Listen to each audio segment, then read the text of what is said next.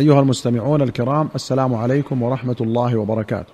في كتاب الأطعمة أخرج البخاري ومسلم عن ابن أبي أوفى رضي الله عنهما قال أصابتنا مجاعة ليالي خيبر. فلما كان يوم خيبر وقعنا في الحمر الأهلية فانتحرناها.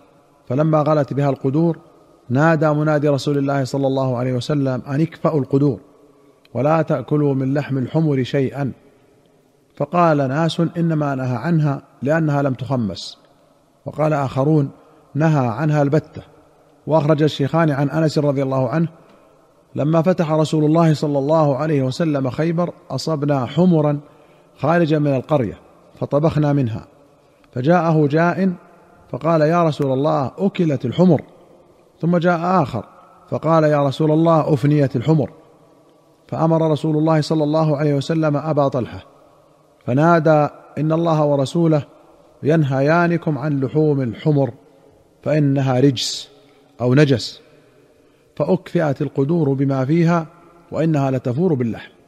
وأخرج البخاري ومسلم رحمهما الله عن البراء بن عازب رضي الله عنهما قال أمرنا رسول الله صلى الله عليه وسلم في غزوة خيبر أن نلقي لحوم الحمر الأهلية نيئة ونضيجة ثم لم يأمرنا بأكلها. وفي أخرى قال غزونا مع النبي صلى الله عليه وسلم فأصبنا حمرا فقال رسول الله صلى الله عليه وسلم اكفئوا القدور. وفي أخرى قال البراء نهينا عن لحوم الحمر الأهلية. قال ابن حجر قوله نيئة ونضيجة بالتنوين فيهما ووقع في رواية بهاء الضمير فيهما نيئه ونضيجه. والنيء ضد النضيج. وقوله اكفأوا القدور قال النووي قال القاضي ضبطناه بألف الوصل وفتح الفاء. اكفأوا ثلاثي من كفأت. ومعناه قلبت. قال ويصح قطع الألف وكسر الفاء. أي أكفئوا من أكفأت رباعي وهما لغتان بمعنى واحد عند كثيرين من أهل اللغة. وأخرج الشيخان رحمهما الله عن ابن عباس رضي الله عنهما قال لا أدري أنهى عنه رسول الله صلى الله عليه وسلم من أجل أنه كان حمولة الناس فكره أن تذهب حمولتهم أو حرمه في يوم خيبر يعني لحوم الحمر الأهلية. الحمولة بفتح الحاء كل شيء يحمل عليه من الإبل والبغال والحمير وغيرها.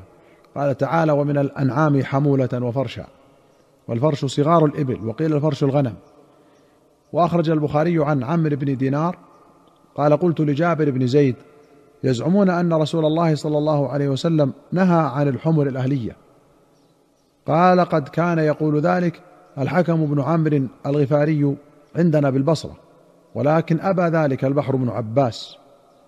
وقرأ قول الله تعالى قل لا أجد فيما أوحي إلي محرما على طاعم يطعمه.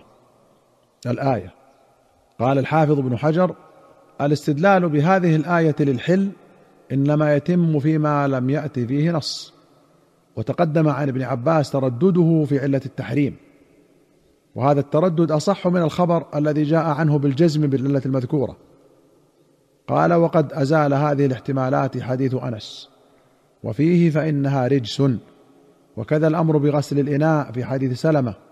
قال القرطبي وهذا حكم المتنجس فيستفاد منه تحريم أكلها لعينها.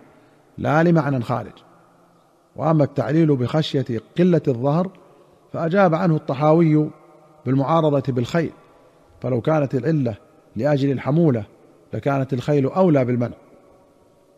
وأخرج أحمد وأبو داود وابن حبان والطبراني في الكبير والدار قطني والبيهقي في السنن رحمهم الله جميعا بسند حسن عن المقدام بن معدي كرب رضي الله عنه أن النبي صلى الله عليه وسلم قال ألا إني أوتيت الكتاب ومثله معه. ألا إني أوتيت القرآن ومثله معه. ألا يوشك رجل ينثني شبعان على أريكته يقول عليكم بالقرآن فما وجدتم فيه من حلال فأحلوه وما وجدتم فيه من حرام فحرموه. ألا لا يحل لكم لحم الحمار الأهلي ولا كل ذي ناب من السباع ولا لقطة معاهد إلا ان يستغني عنها صاحبها. ومن نزل بقوم فعليهم أن يقروه فإن لم يقروه فله أن يعقبهم بمثل قراه سبقت رواية أخرى للحديث في باب الاعتصام بالكتاب والسنة. والمعاهد هو الذمي والمستأمن ويثبت الحكم في لقطة المسلم بطريق الأولى. وقوله يقروه بفتح أوله أي يضيفوه والقراء بكسر القاف طعام الضيف. وقوله يعقبهم بمثل قراه أن يأخذ منهم عوضا عما حرموه من القرى. يقال عقبهم وعقبهم وأعقبهم أي أخذ منهم عقبة أو عقبة أي بدلا عما فاته. قاله ابن الأثير. وقال المبارك فوري في الحديث دليل على وجوب القرى وإليه ذهب أحمد وحمله الأئمة الثلاثة على الندب. لكن إباحة عقوبتهم بمثل قراه لا تكون في غير واجب. وأجاب القائلون بالندب بحمله على المضطر وبإجابات أخرى. وأخرج البخاري ومسلم عن أبي ثعلبة الخشني رضي الله عنه أن رسول الله صلى الله عليه وسلم نهى عن أكل كل ذي ناب من السباع. وفي رواية نهى عن كل ذي ناب من السباع ولم يذكر الأكل. وللبخاري قال نهى النبي صلى الله عليه وسلم عن أكل كل ذي ناب من السبع. قال البخاري وزاد الليث حدثني يونس عن ابن شهاب. قال وسألته هل نتوضأ أو نشرب ألبان الأتن أو مرارة السبع أو أبوال الإبل؟ قال قد كان المسلمون يتداوون بها فلا يرون بذلك بأسا. فأما ألبان الأتن فقد بلغنا أن رسول الله صلى الله عليه وسلم نهى عن لحومها ولم يبلغنا عن ألبانها أمر ولا نهي.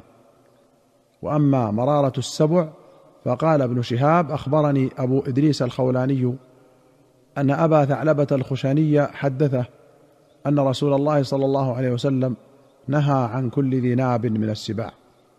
قال ابن حجر قوله وسألته هل نتوضأ؟ هذه الجملة حالية ووقع في رواية أبي ضمرة سئل الزهري. وأعرض الزهري في جوابه عن الوضوء فلم يجب عنه لشذوذ القول به. وقد تقدمت في الطهارة الإشارة إلى من أجاز الوضوء باللبن والخل. والأتن جمع أتان وهي الحمارة. والمرارة قناة ملتصقة بالكبد تنصب فيها العصارة الصفراء. وابن شهاب هو الزهري وقال ابن حجر اختلف في ألبان الأتن فالجمهور على التحريم. وعند المالكية قول في حلها من القول بحل أكل لحمها. وأخرج مسلم عن أبي هريرة رضي الله عنه أن النبي صلى الله عليه وسلم قال كل ذي ناب من السباع فأكله حرام. وأخرج مسلم عن ابن عباس قال نهى رسول الله صلى الله عليه وسلم عن كل ذي ناب من السباع وعن كل ذي مخلب من الطير. قال ابن حجر قال الترمذي العمل على هذا عند أكثر أهل العلم وعن بعضهم لا يحرم وحكي عن مالك كالجمهور وقال ابن العربي المشهور عنه الكراهة وقال ابن عبد البر اختلف فيه على عائشة وابن عباس واحتجوا بعموم آية قل لا أجد فيما أوحي إلي محرما والجواب أنها مكية وحديث التحريم بعد الهجرة واختلف القائلون بالتحريم في المراد بما له ناب فقيل إنه ما يتقوى به ويصول على غيره ويصطاد ويعدو بطبعه غالبا كالأسد والفهد والصقر والعقاب وأما ما لا يعدو كالضبع والثعلب فلا. وإلى هذا ذهب الشافعي والليث ومن تبعهما. وقد ورد في حل الضبع أحاديث لا بأس بها. وأما الثعلب فورد في تحريمه حديث خزيمة بن جزء عند الترمذي وابن ماجه ولكن سنده ضعيف. وأخرج أبو داود والبيهقي في السنن والبغوي بسند صحيح عن أنس رضي الله عنه قال قال رسول الله صلى الله عليه وسلم لا عقر في الإسلام. بوب عليه أبو داود بقوله باب كراهية الذبح عند القبر. قال الخطابي في معالم السنن كان أهل الجاهلية يعقرون الإبل على قبر الرجل الجواد يقولون نجازيه على فعله لتأكلها السباع والطير. فيكون مطعما في مماته كما كان في حياته. ومنهم من يقول إذا عقرت راحلته عند قبره حشر راكبا. وهذا على مذهب من يرى البعث منهم. أيها المستمعون الكرام إلى هنا نأتي إلى نهاية هذه الحلقة. حتى نلقاكم في حلقة قادمة إن شاء الله. نستودعكم الله. والسلام عليكم ورحمة الله وبركاته.